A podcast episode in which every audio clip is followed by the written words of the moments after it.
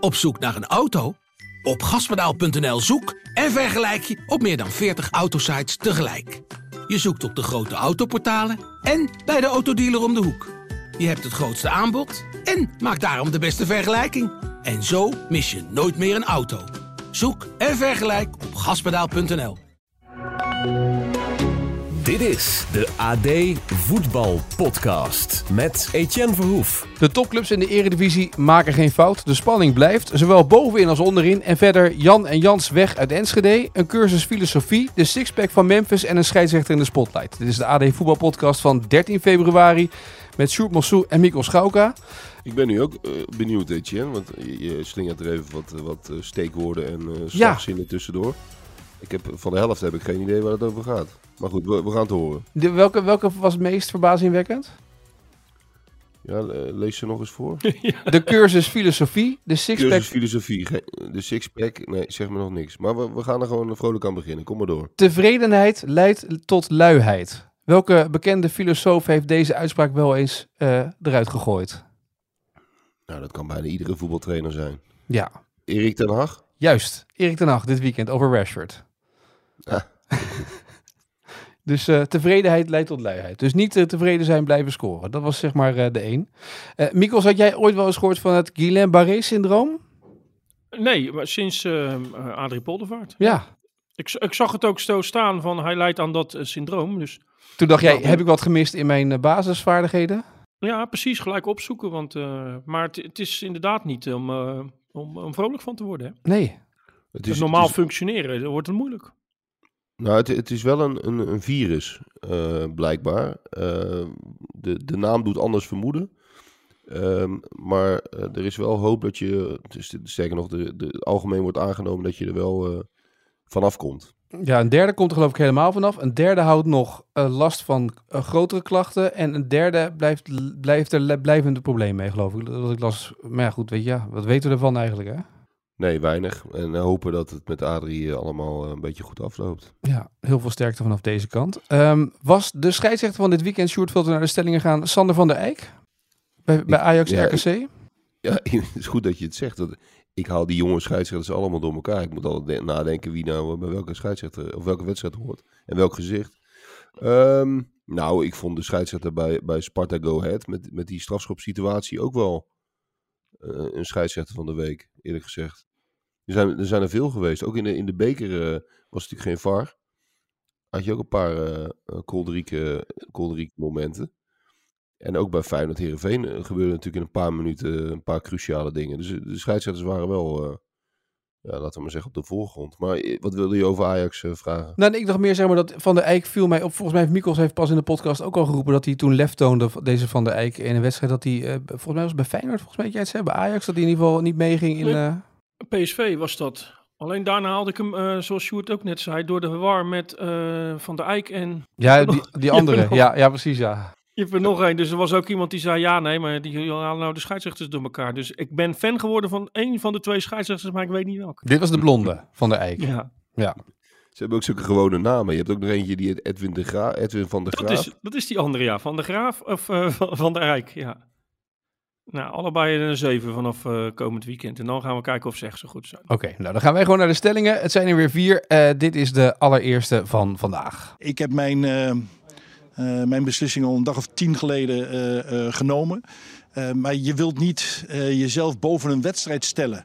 En Jan moest ook nog meer communiceren binnen, uh, binnen de club. En we hadden Ajax, we hadden de bekerwedstrijd. En, en, en, dan ben ik ook wel blij dat we gewonnen hebben van Volendam. Want dat, dat, uh, dat, dat maakt het nieuws vertellen in ieder geval een stuk makkelijker dan, uh, dan dat je verliest of gelijk speelt. Nou, dat was natuurlijk onmiskenbaar het stemgeluid voor Ron Jans. Sjoerd, stelling 1. Ron Jans en Jan Streuer kiezen het juiste moment voor een exit bij FC Twente. Ja, nou ja, dat weet je natuurlijk nooit. Maar op de, ja, dat, dat lijkt wel zo. Kijk, ze hebben dan uh, drie jaar bij Twente gezeten. Ze hebben die club uh, steeds een stap verder omhoog gebracht. Hebben het tot nu toe voortreffelijk gedaan. En dus dan ga je altijd door de voordeur naar buiten. Nou, dat is bij trainers en technisch directeuren geen vanzelfsprekendheid. En dat, dat kan bij die twee zonder meer. Zelfs als de laatste weken of maanden van het seizoen nog een beetje, een beetje tegen zou vallen. Dan, dan nog hebben ze het over de hele linie natuurlijk geweldig gedaan. Ehm, en ja, je voelde dit wel al wel een beetje aankomen, hè, omdat het gewoon heel lang duurde. Uh, je, ja, we hadden het er vorige week nog over in de podcast. Ja, nou ja, een paar, paar, weken geleden heb ik ze nog een tijdje gesproken, sindsdien niet meer. Maar toen, toen proefde hij al wel dat ze hadden heel erg de houding van het is graag of niet. En uh, toen al duurde het vrij lang. En had Strooier zoiets van, uh, nou ja, laat me voelen dat, dat jullie ons graag willen houden. Ja, want het begon bij Strooier en, en dan zou eventueel Jans uh, daarna aanhaken. Nou, blijkbaar hebben ze andere plannen bij FC Twente en willen ze toch een soort frisse wind gaan, waaien, gaan laten waaien. Kijk, Um, wat ik er wel aan snap, je kon ook niet nog jaren door met, met, met Strooier en Jans. Um, met alle respect voor hun leeftijd, maar ze, ze, waren natuurlijk wat op leeftijd, met name Strooier. Dus je moet een keer moet je iets anders gaan doen.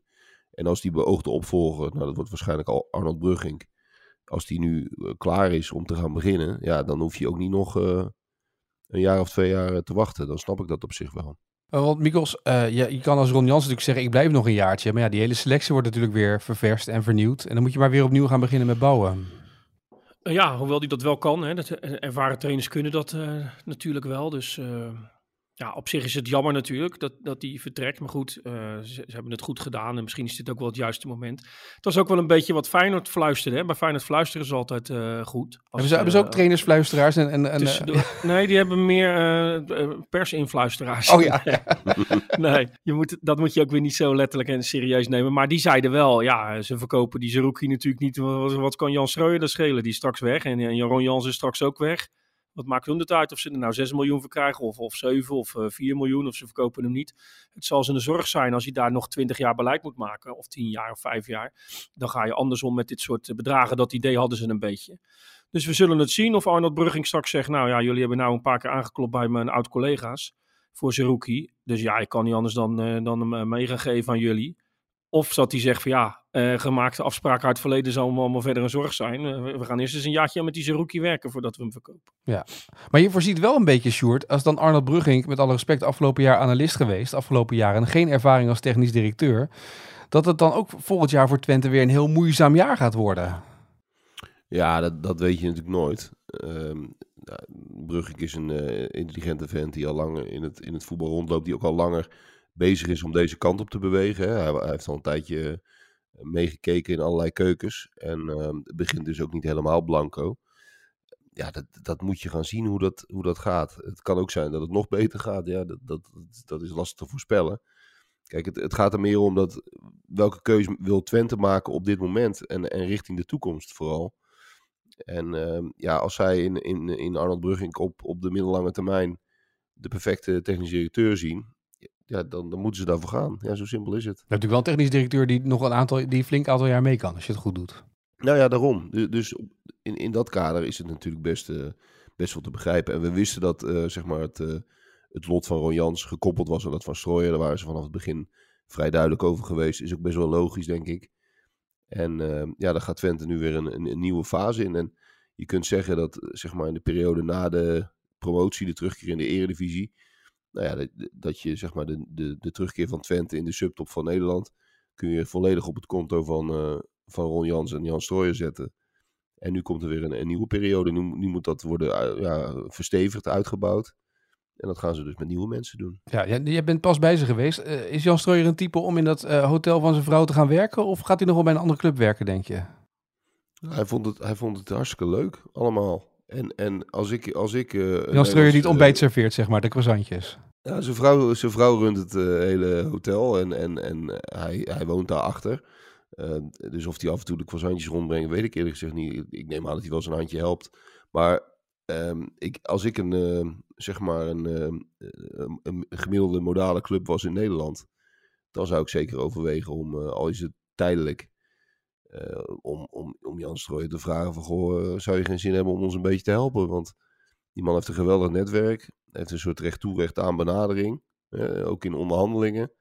Hij is hartstikke, hartstikke slim, kent ongeveer uh, de hele spelersmarkt. Dus waarom niet? En volgens mij heeft hij bij Twente hartstikke veel plezier gehad in zijn werk. Dus uh, wie weet, nou noemen ze club. FC Groningen. FC Groningen. Nou, hier heb je er een. Van een, eindje, een stukje verder rijden van het Arnhem. Maar um, ja, waarom niet? Ik zou, ik zou hem bellen als ik FC Groningen was. Ja, en datzelfde geldt natuurlijk ook voor Jans, toch? Dan, dan kan je ze samen binnenhalen, Mikos. Heb je Jan en Jans samen weer binnen.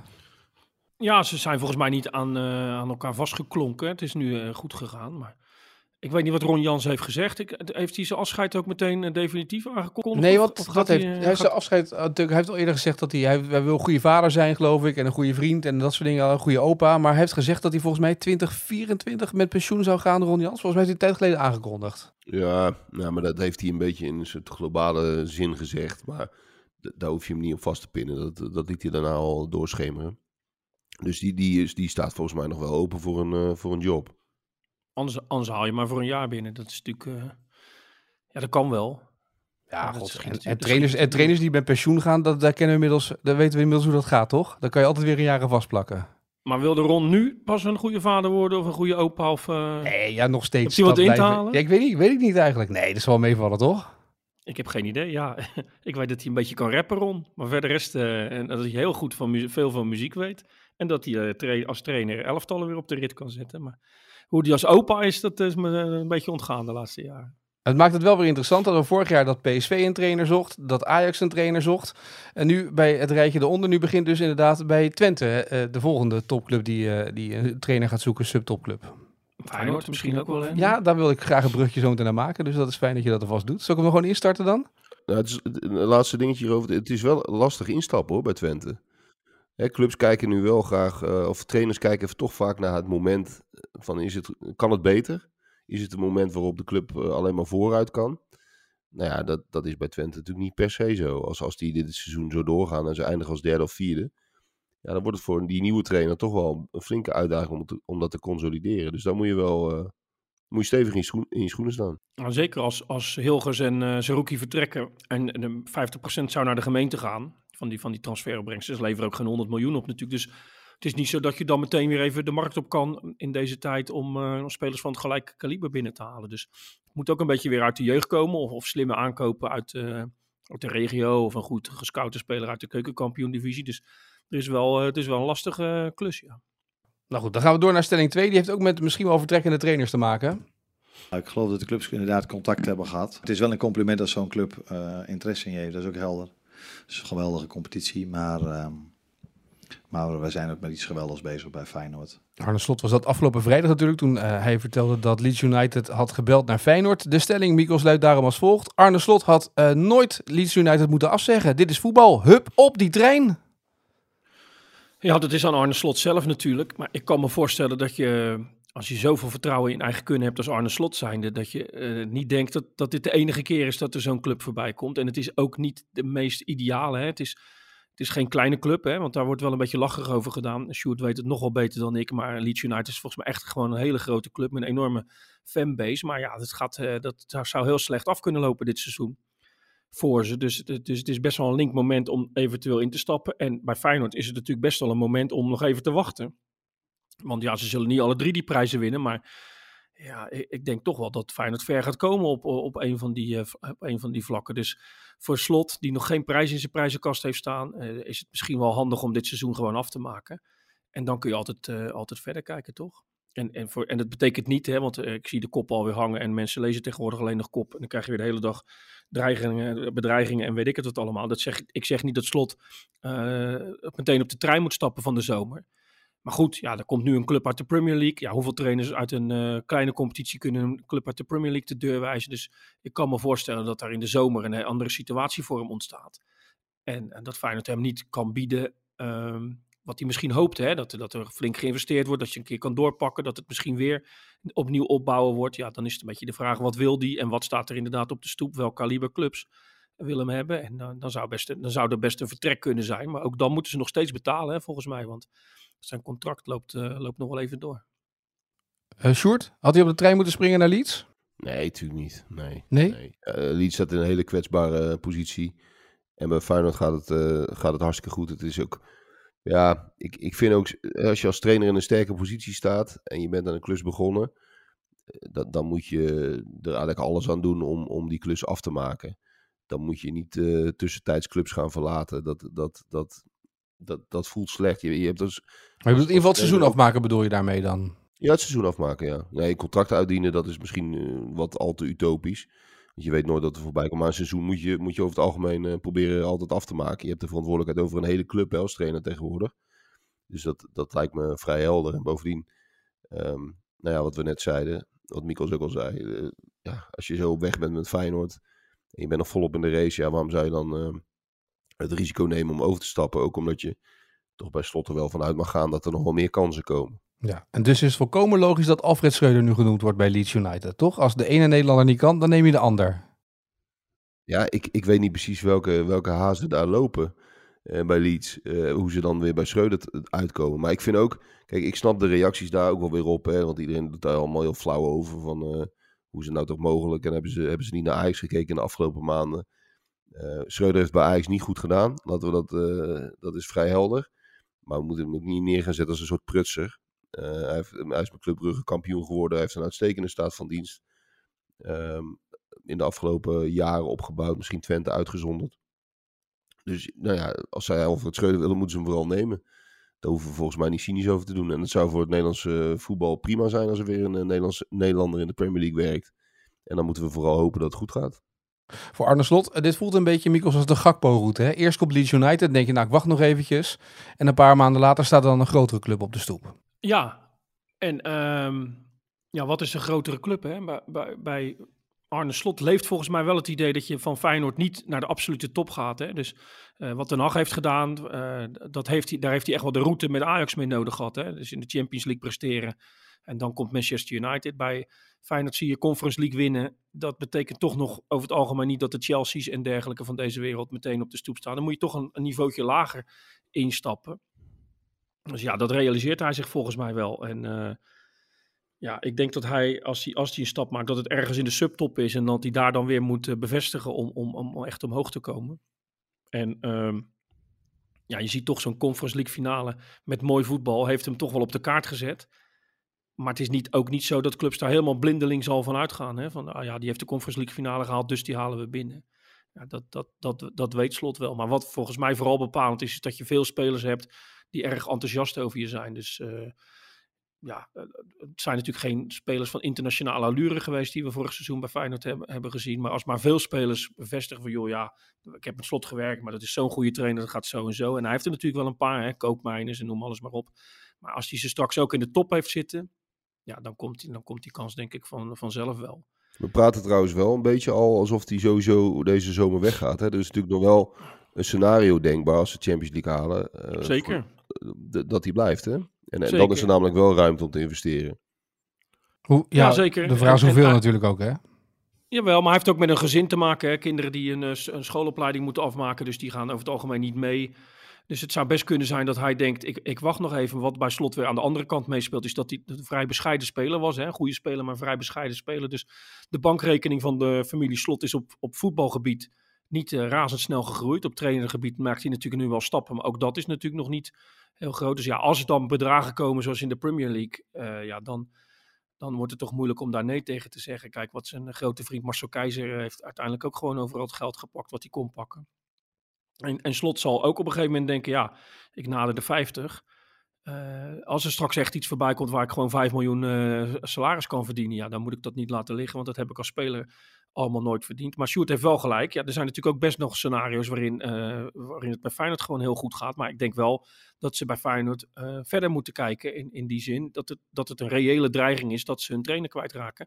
Want als ze de Champions League halen, ja, dan, dan opent dat waarschijnlijk ook weer eh, deuren naar andere clubs. Die denken zo, hij heeft dat met Feyenoord eh, dat en dat nu neergezet. Dit is het moment om hem te halen. Dus er loert wel een flink gevaar. Is dat een mooie kop voor je? Nou ja, maar ik- dat, Sjoerd had natuurlijk dit weekend al de column dat de reserve Jezus zometeen uit de Kuip als hij vertrekt. Wat dan? Want ja, dat is natuurlijk wel een beetje het gevaar natuurlijk. Ik bedoel, je kan, je bent, als je de reserve Jezus kwijt bent, hoe dan verder, Sjoerd? Bedoel, dat moet toch ingevuld worden ergens? Nee, maar dat, ik denk dat, dat, dat veel Feyenoord supporters daar al eh, best wel zorgen om maken. En dat die daar best wel hoofdpijn van krijgen. En, en intern bij Feyenoord zullen ze dat ook best wel een lastig eh, dossier vinden. Is daar, kijk, Slot heeft natuurlijk heel veel gecamoufleerd de afgelopen anderhalf jaar. Met zijn prestaties en met het voetbal. En ehm, dat hing natuurlijk wel heel erg ook aan hem. Eh, het is iemand die veel beïnvloedt en, en, en aan veel touwtjes wil trekken. Dat is algemeen bekend. Doet hij in die organisatie natuurlijk ook.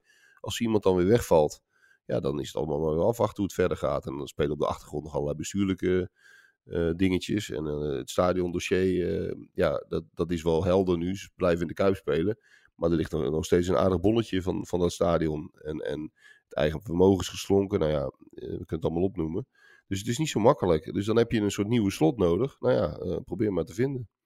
Zo- zo- Zo'n brede rug als slot eh, ze biedt nu, die gaan ze niet vinden natuurlijk. Eh, dat- dan moet je een trainer hebben waarvan wij het allemaal nog niet hebben gezien, die hetzelfde niveau kan halen. Maar hij biedt ze gewoon, wat Sjoerd zegt, een hele brede rug.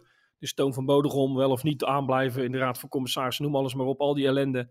Mensen zijn er niet of nauwelijks in geïnteresseerd, omdat Feyenoord op kampioenskoers ligt. En straks gaan ze lekker Europa in. En, en de beker hebben ze ten nauwe nood eh, overleefd, maar wel met 50 schoten op doel. Iedereen is er enthousiast over. En dat andere willen ze natuurlijk op dit moment helemaal niet horen.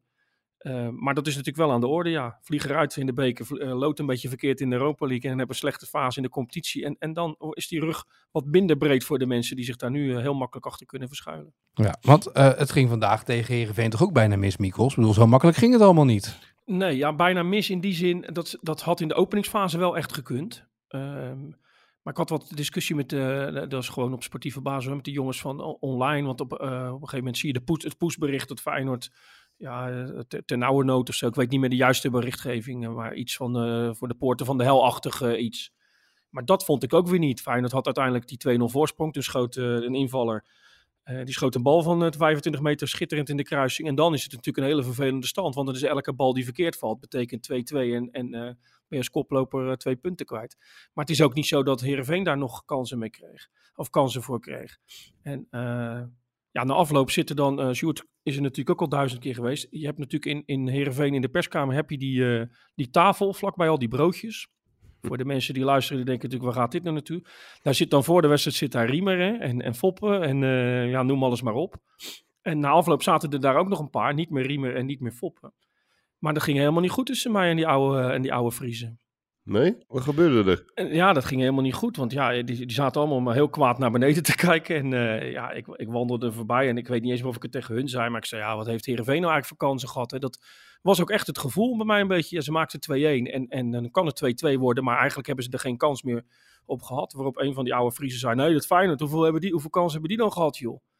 Waarop ik me liet verleiden alsof ik, eh, in, eh, alsof ik voor werk. Wat natuurlijk ook helemaal niet de bedoeling is. Door te zeggen, ja, die stonden 2-0 voor. Moeten die dan met 6-0 winnen? Of moeten die dan nog meer kansen eh, creëren? Of moeten die gewoon dat vasthouden? Nou ja, dat ging van kwaad tot erger. De scheidsrechter was niks. En met mij viel niet te discussiëren, noem alles maar op. Terwijl ze verder in de perskamer altijd zo, zo aardig zijn bij Heerenveen. Maar ehm, ja, dat was toch een beetje het gevoel wat bij mij leefde. Maar misschien heb ik dat anders beleefd dan veel anderen. Eh, ik dacht Feyenoord, 120 minuten gespeeld, Heerenveen uit. Misschien nog wel de lastigste wedstrijd die ze op, op papier hebben. eh, als je Ajax uit eh, even niet meerekent. En ja, die overleven ze toch eigenlijk best wel makkelijk. Met, met een behoorlijke blessurelijst. Met nog spelers die daarbij komen op een blessurelijst. Ja, dan vond ik dat eigenlijk dat ze nog wel simpel overeind bleven. Maar ehm, ja, gezien de reacties om me heen heb ik dat misschien iets te enthousiast of iets te positief gezien. Eh, Ik ben wel blij dat die Friesen ook ervaren wat wij ook met jou ervaren. Dat het moeilijk met jou te discussiëren is. Dus we zijn niet de enige die dat dan hebben, zeg maar inderdaad. Maar het zat Ja, wel... maar werd het echt vechten ook? Ja. Nou, dat Duwen? er stond een tafel tussen en zo. Oh, nee, nee, maar er was nog één man en die zei... eh, ja, zitten ook twee strafschoppen. Die scheidsrechter... Kijk, er was een moment, Kukshoe kreeg geel. En eh, als hij die aanval door had laten lopen... dan had eh, Heerenveen op 95 meter van het, van het doel... zeg ik enigszins eh, cynisch... hadden ze wel in balbezit gekomen. Maar zij redeneerde eigenlijk dat het was toch een kwestie van hem langs Welleroy te tikken... en het was klaar. Dus, dus ik zei, ja, ja, goed. De bal was nog zo ver van het doel af. Nou, dat viel helemaal verkeerd. En toen zei er nog een, ja, ze hadden ook nog twee strafschoppen moeten hebben. Maar die kon ik me echt allebei met alle goed fatsoen niet herinneren. Dus ik zei, oh ja, nee, natuurlijk zal er ook nog twee strafschoppen moeten hebben. Zo, eigenlijk was het, eh, heb ik dat helemaal verkeerd gezien. Dus nou, dat ging ook helemaal niet goed. En achteraf dacht ik, joh, ja, waar maak ik me nou druk om? Want het is eerlijk echt zo hoor, als het 3-3 wordt of 3-2. Ik moet gewoon een verhaal tikken. En eh, het maakt allemaal niet meer zoveel uit. Maar ik, ik, ik had zelf niet het idee dat die... eh, ja, dat dat Heerenveen echt op de poorten van de hel heeft, eh, Feyenoord voor de poorten van de hel eh, heeft laten ontsnappen. Maar, Nee, dat, ja. dat, dat, dat klopt. Maar het zat wel mee bij Feyenoord. Zeker in de beginfase. Ja, als het 1-0 wordt, en dat was het eigenlijk, hè, en toen werd hij afgekeurd, dan had het natuurlijk een vervelende eh, scenario ontstaan. Maar was, duidelijk wel, bij, was wel 1-0, duidelijk 2-0 buitenspel trouwens, hè, van Heerenveen. was echt heel duidelijk buitenspel. Zag Ja. iedereen. Ik kon dat verder natuurlijk, eh, ook, ik kan ik verder ook niet beoordelen, maar ik neem aan dat Clay Ruperti dat met die lijntjes prima eh, ziet, toch? Nee, ja, onge- ongetwijfeld heeft hij het met die lijntjes goed gezien. Ik heb geen idee. Eh, overigens, ja, ik blijf het ehm, lastig vinden om te zien waar die bal nou precies van de voet vertrekt enzovoort. Ja. Maar los daarvan ehm, eh, ehm, wa- was dat natuurlijk gewoon puur mazzel. Want, want, want hij stond eh, nou ja, misschien een centimeter buitenspel. Klopt. En ehm, ja, dat, dat, dat, dat is gewoon geluk of pech hebben. Zo simpel is het. En, en als het dan 1-0 wordt, dan, eh, dan komt hij. Dan wordt het een hele andere wedstrijd. Nee, maar dan, dat is natuurlijk wel echt een, wereld van verschil. En Feyenoord ging er, ging er daarna hartstikke goed mee om. Die komen 2-0 voor. En dan is het inderdaad gewoon een hartstikke goede uitslag die je neerzet in, in Friesland. Ja, nee, dat, dat spreekt voor zich. Eh, maar in de fase daarvoor hadden ze natuurlijk wel, eh, hadden ze wel een beetje mazzel. Ik moet nog langs die tafel, hè, want ze hebben hem verdomme voor de beker weer gelood. Nou ja, ik Dus wilde ik loop daar, loop daar Ja. weg. Ik denk, zo heb ik een keer een discussie gewonnen in mijn, in, in mijn leven. Hè? Laat, die Fries, laat die Friesen het maar uitzoeken. Dan denk ik, ja, over twee weken zitten ze daar weer met z'n- met z'n allen kwaad. Ja. Ja, en dan hebben ze Fop en Riemer Ja. bij, Ja. meegenomen. dan hebben ze ze er na afloop ook bij. Dus eh, nee, ik waande me even winnaar, maar ik, ik vrees, dus dat het, vrees toch dat het wat anders ligt. Maar kunnen we het zo doen dat, dat jij, zeg maar, als je over twee weken toch terug moet voor de beker, dat je dan daar alvast met hun een verhaal maakt voor de kampioenspecial, dat het, het kampioenschap, mocht het dan zo zijn voor Feyenoord, dat je dan daar alvast een verhaal kan maken. Het gebeurde in Heerenveen voor de poorten van de hel weggesleept. Dat je dat alvast kan, Ja. dat je dat als goed, weer de goed mag een beetje. Nou, en om die tafel voor jou nog legendarischer te maken, weet je wie er ook aan die tafel zit voor de wedstrijd? Nou? Hero of Herco? Of, Oh, eh, de, de, de mascotte, Ja, die zit er gewoon tussen. En daar vroeg ik me nou van af. Hij zat ertussen en eh, ja, hij leek helemaal geaccepteerd. Dus ik dacht, zitten zij in kamp Herco? Ja, Of hebben zij gedacht van, nou ja, hij heeft die zaak gewonnen. Laten we hem er maar gewoon bij houden. Maar hij oogde alsof hij in dat kamp zat. De mensen waren heel enthousiast eh, over met hem. En, want dat is de Maar- winnaar, wat, wat, Wat wat, een verhaal, die mascotte zeg. inderdaad. Hè. Dat was de mascotte die die- zoveel jaar in het pak Ja. zat en die eruit moest omdat de zoon van de commercieel directeur erin moest, geloof ik, of zoiets. Dat was het die alles, maar Ja. op tafel riep. En toen ze hem wilde ontslaan tegen iedereen zei, wacht even, ik weet ook nog wat van jou. En dat iedereen toch een klein beetje nerveus werd. Ik dacht, ja, we kunnen die oude Herco er wel uitduwen straks uit het pak. Maar als hij dan toch gaat, hoe zou hij het weten? Zou hij weten wat we allemaal hebben gedaan? Ga je toch een beetje twijfelen. Ja, nou, als Heerko er toch zit over twee weken aan tafel als jij binnenkomt, dan zou ik toch een beetje oppassen. Ik denk toch dat ik weer met een eh, petje op ga. een petje en een plaksnoor op ga eh, voor twee weken. Het wordt rennen, denk ik. Ja, ja. Nou, eh, Feyenoord nog steeds koploper. Eh, we gaan even door naar de volgende stelling. Stelling 3. Wij willen het zo hoog mogelijk eindigen, dat zeggen we elke keer. En eh, op dit moment staan we stevig op zes. Eh, maar bij Utrecht eh, zitten ons op, een- op een punt op de, op de hielen. Maar we kijken meneer, meneer naar die ploegen die daaronder zitten. En eh, het zou geweldig zijn als we eh, daar weer uit kunnen lopen dit weekend. Nou, dat is Maurice Stijn natuurlijk. Sjoerd, stelling 3. Maurice Stijn is de meest onderschatte trainer van Nederland en verdient een topclub. Ik heb, ik heb geen idee of dat de meest onderschatte trainer van Nederland is. Maar hij doet het bij Sparta geweldig natuurlijk. Ja, Dat, dat, is, dat, is, dat is helder. Ehm, ik, ik, ik weet niet of dat, of dat per se een trainer is voor een topclub. Is de- kijk, Ron Jans is ook een, eh, een trainer met een uitstekende staat van dienst. Is ook nooit een trainer geweest van een topclub. Ik, ik weet niet of dat het, het, het criterium is. Nou ja, laat ik zeggen topclub. Eh, dan laten we dan zeggen dat hij de promotie verdient bijvoorbeeld naar een ploeg FC Twente. Komt volgend jaar vrij. Ron Jans eh, eh, gaat daar weg. Dus Maurice Stijn naar Twente bijvoorbeeld. Ja, dat zou, dat zou best kunnen. Maar dat, dat ligt er een beetje aan wat voor trainers ze zoeken, toch? Dat, dat is het. kijk, Stijn is er over het algemeen goed in om met relatief erv- ervaren spelers een, een hele goede organisatie neer te zetten en, en van daaruit resultaat te halen. Dat heeft hij eigenlijk bij de, nou, zo heeft hij dat, ik chargeer een beetje, maar zo heeft hij dat met de meeste clubs ongeveer gedaan. En dat, zo doet hij dat nu bij Sparta ook. Nou, ja, als je zo'n type trainer zoekt, is Maurice Stijn denk ik een hele goede trainer. Eh, zoek je een, eh, een type, eh, zal ik maar zeggen, een type Arne Slot of een type Dick Schreuder. ehm, met, met een ander soort voetbal. Dan, dan kom je waarschijnlijk bij iemand anders uit. En ik heb geen idee wat Twente voor trainer zoekt. Want Stijn is Ja, het type natuurlijk lange bal naar voren. En daar staat een lange man die de bal vasthoudt. En daaromheen komen de spelers eh bijsluiten eigenlijk. Maar je had meer vuurwerk verwacht natuurlijk. Je vraagt dat dan Sjoerd natuurlijk en dan hoop je dat, dat er nog een klein linkje met nak is. Nou, en ik dat denk eh, de Sjoerd is zich kamp... uit die Ja, laat lokken. Ja, en dat ik- hij dan zegt, ja, maar in Breda was het helemaal kut met de Stijn Nou, en, en nu doet ja. hij het goed. maar ik zou je zeggen, ik En dan laat dat- je hem wegkomen. Nou, maar dat komt eigenlijk... Ik denk dat het gebeurt is omdat jij dat verhaal net hebt verteld van Heerenveen aan die tafel. Dat Sjoerd niet meer durft. Want dan denkt Sjoerd, ja, dan moet ik zo... durf, ik durf alles. Oh, ja? ja, natuurlijk. Stijn heeft bij, bij eh, VVV uitstekend gedaan. Waar heeft hij allemaal nog meer gezeten? Het buitenland, Woestijn. Eh, ADO. ADO natuurlijk. Bij ADO ook eh, redelijk goed. Bij Sparta nu supergoed. En bij NAC kut. Ja, dat, dat is de samenvatting toch? Ja, Maar toch, toch hè, maar, maar dan gaan we heel ver. Maar hij was bij NAC ook, toch ook wel dichtbij nog. Met die, eh Ja, dat gewoon wordt, de finale nog. ja dat, dat, dat, is, dat wordt vaak gezegd, die ene goal. Maar hij werd vijfde op 20 punten af, achter uh, Cambuur. Met het hoogste spelersbudget van de eerste divisie op dat moment. Dus daar kun je op twee manieren naar kijken. Je kunt zeggen, ja, hij kwam één goal tekort. Je kunt zeggen, hij eindigde 20 punten achter Cambuur. Dus maar misschien is, heeft hij wel gewoon geleerd van die periode bij NAC. hè. Het is gewoon een hele leerzame periode voor elke trainer geweest in betaald Ja, maar- voetbal. Ja, ja, nee, dat sowieso. Nee, NAC, als je bij NAC slaagt, dan ben je, dan ben je sowieso een toptrainer.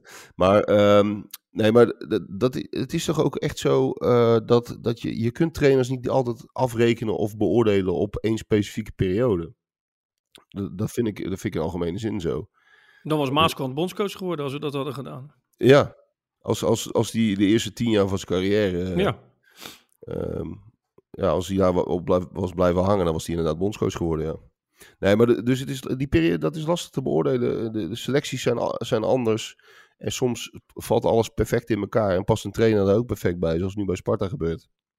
En soms is dat niet zo. Als je ziet wat hij Ja. gedaan heeft, een paar wedstrijden voor het einde vorig seizoen instappen, dat iedereen denkt, nou waarom doe je dit dood en begraven Sparta? Die gaan, die gaan na competitie spelen, play-offs of in ieder geval degraderen, dat kan niet anders. Hij doet het onmogelijke en vervolgens het jaar erop presteert hij misschien nog wel onmogelijker door daar op die zesde plaats te staan tot nu toe in die eredivisie. Zeker. En ik, maar ik vind ook, eh, even los van eh, dat Stijn dat eh, voortreffelijk doet, heeft hij toch ook, hij heeft ook echt goede spelers, vind ik.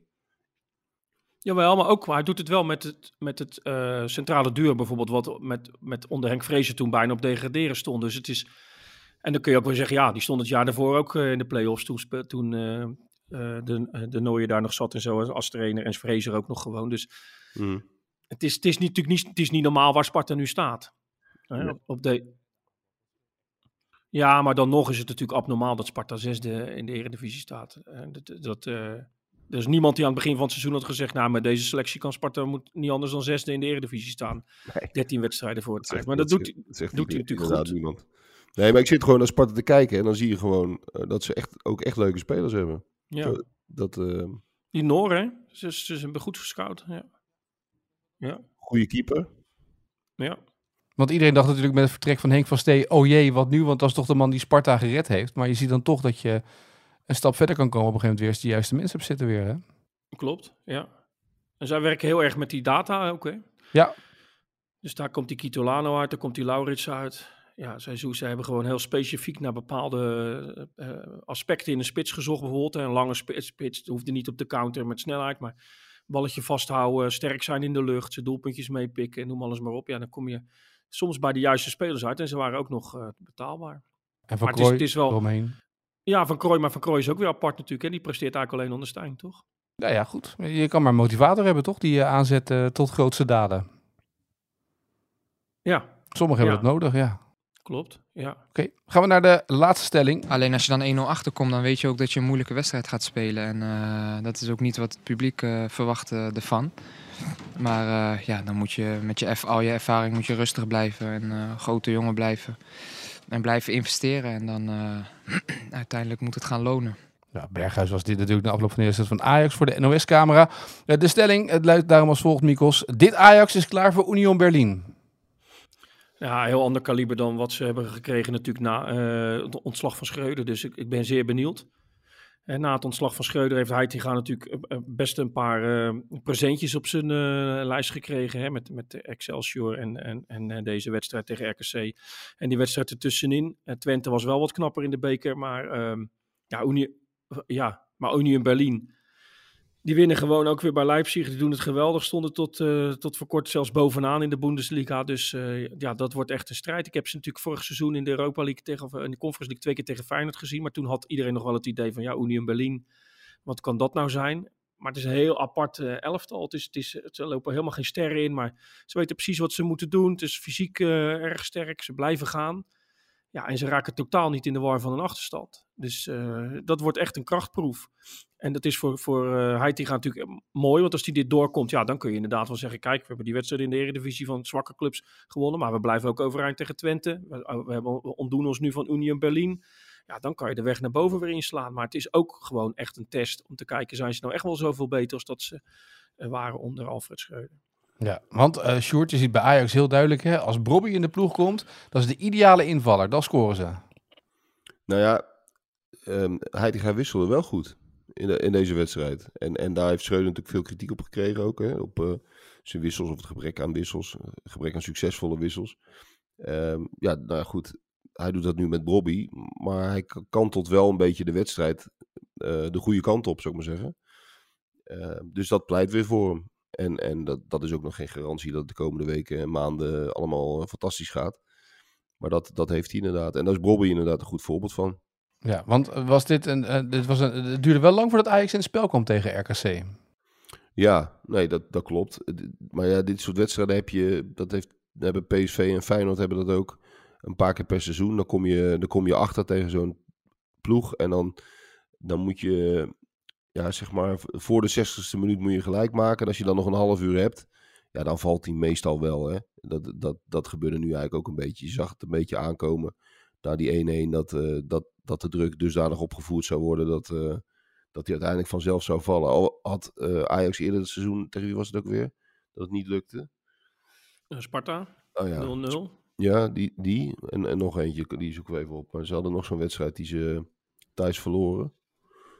Maar, maar het patroon is meestal uh, vergelijkbaar zoals, met vanda zoals vandaag. Dat, dat je dan, uh, met name in die laatste 20 minuten, dat je dan uh, nog, nog dusdanig veel druk creëert dat je, dat je uiteindelijk wint. Ze hebben natuurlijk Volendam hebben ze thuis gespeeld en die hebben ze gelijk ja. gespeeld. Vitesse werd 2-2 ja. uiteindelijk. ook dat was een wedstrijd die ze niet wisten te winnen. Um, ja, goed. dat, maar, en is PSV een beetje klaar voor um, Sevilla, Mikos? Ja, we gaan, van Ajax, gaan we zo even van Ajax naar PSV. Je mag er wel door over Ajax. Wil je nog meer over Ajax? Nee, nee, nee, nee ik vind het helemaal goed. Nee, ik vond het een opvallend bruggetje. Nou, ik dacht, we, hebben het een beetje, we gaan de vooruitblik een beetje doen op die Europa League wedstrijden, die tussenronde die erin zit. Helemaal goed. Ga, ga lekker door.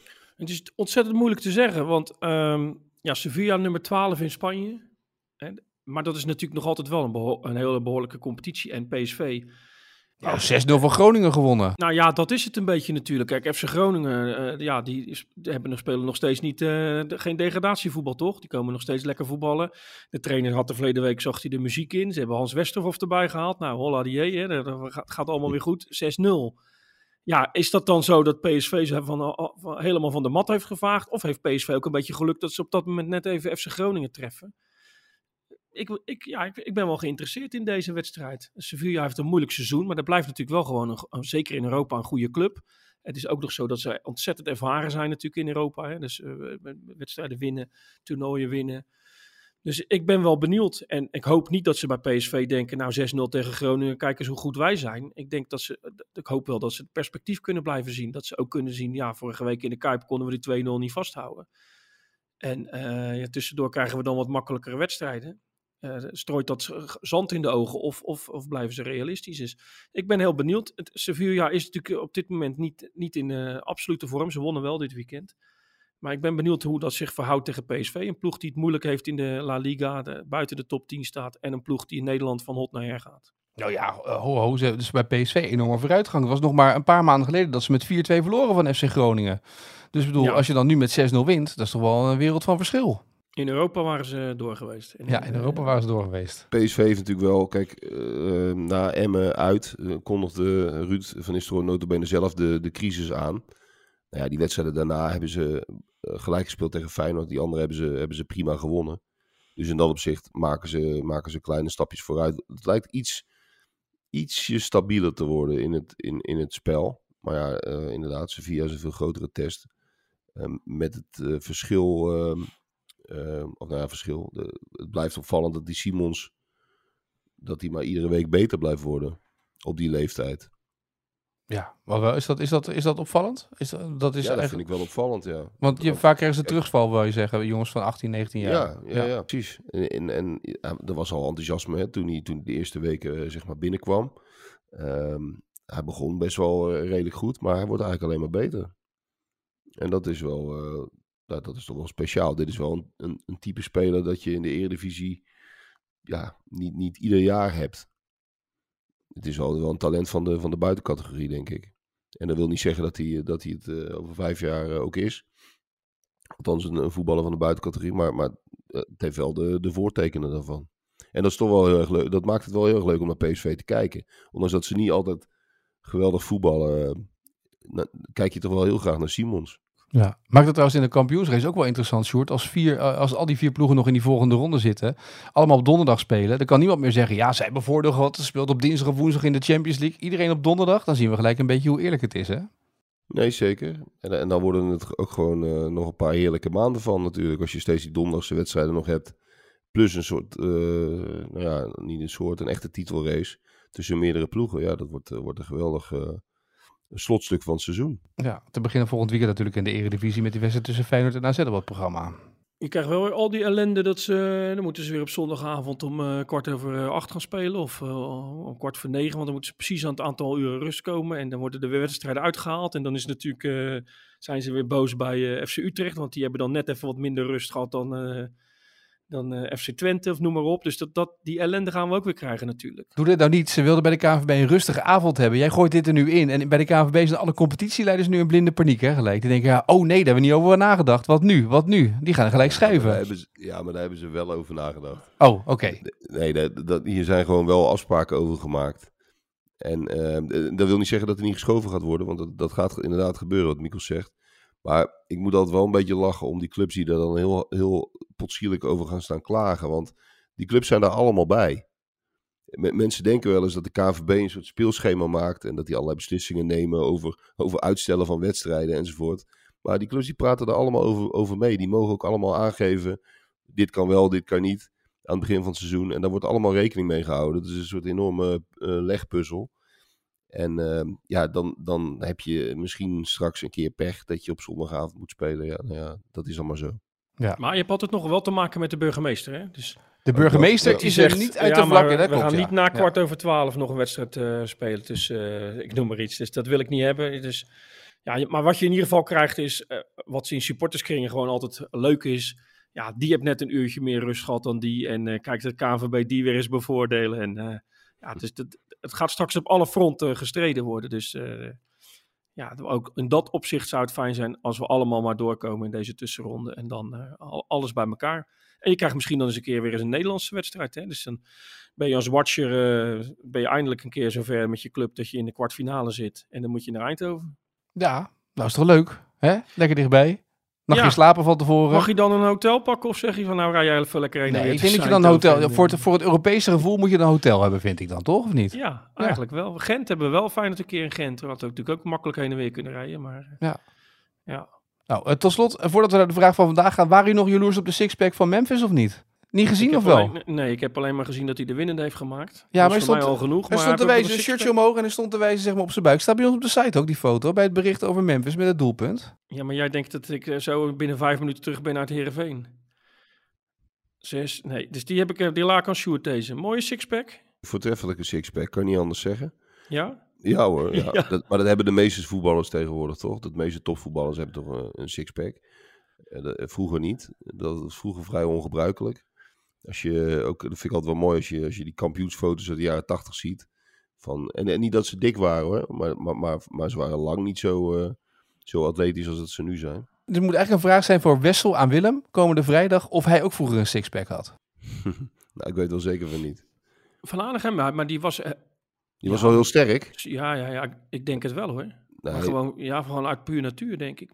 Nou, hij was super sterk. Nee, dat, dat, Ja. is, dat staat buiten kijf. Maar dat, dat enorm doorgetrainde, wat, wat ze nu hebben, zeg maar, de, de Ronaldo-look, dat, dat was in die tijd niet hoor. Dan moet, je echt, Ja. dan moet je echt de gym in hoor, iedere week. Nou, we gaan de foto's opzoeken. Nou, we gaan Wessel, Ja, ja, Wessel ja, gaat het vragen ja, aan Willem, denk zie ik. die jongens Ja. zonder shirts eh, destijds. Ik weet het niet hoor.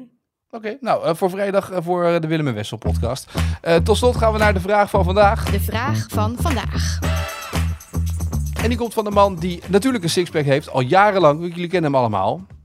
Wat heeft Alex Pastoor wel eens bedacht voor de wisselspelers ehm, bij een wedstrijd in de vrieskou?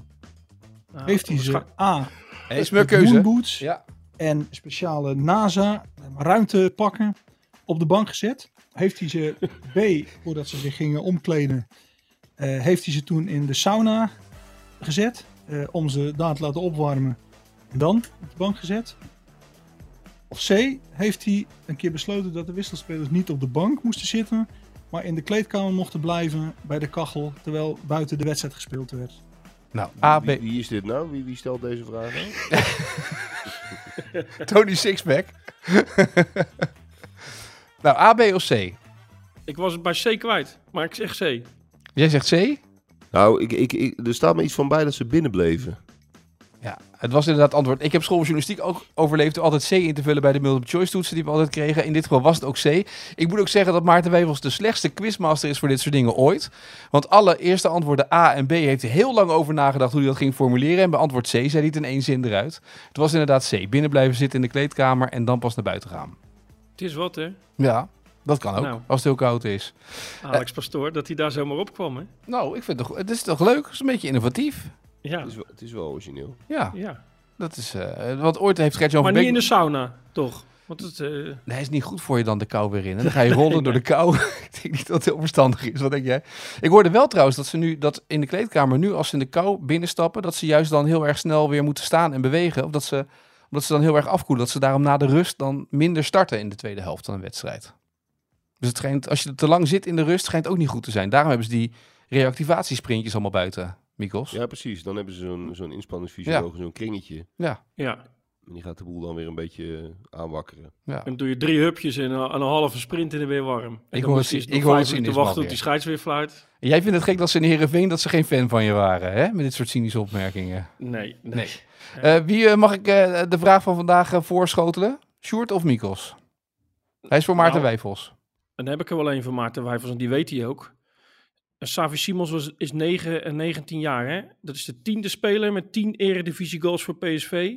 Voor zijn twintigste verjaardag. En pas de hoeveelste deze eeuw wil ik graag van Maarten weten. De hoeveelste deze eeuw? Ja, de hoeveelste speler onder de 20 jaar die al op 10 goals staat. Voor PSV. Voor PSV, ja, voor PSV. Nou, dan belt hij Rick even en dan eh, krijgt hij ook krijgt hij niet alleen de spelers die ervoor, dan krijgt hij een lijst van 75 namen, krijgt hij dan. En de stand en eh, elke positie ze eindigt op topscorerslijst en dat soort dingen. Want Rick weet het uit het hoofd, hè? Dus dan, Ja. eh, dan weet je dat. Heel goed. Ja. Nou goed, morgen is er een nieuwe AD voetbalpodcast met Maarten Wijfels. Gaan we vooruitblikken onder andere op het Champions League voetbal deze week. Genoeg te bespreken daarover. Um, Sjoerd dank, Mikos dank en een mooie dag, hè? Jullie ook. Ja. Op zoek naar een auto? Op gaspedaal.nl zoek en vergelijk je op meer dan 40 autosites tegelijk. Je zoekt op de grote autoportalen en bij de autodealer om de hoek. Je hebt het grootste aanbod en maakt daarom de beste vergelijking. En zo mis je nooit meer een auto. Zoek en vergelijk op gaspedaal.nl.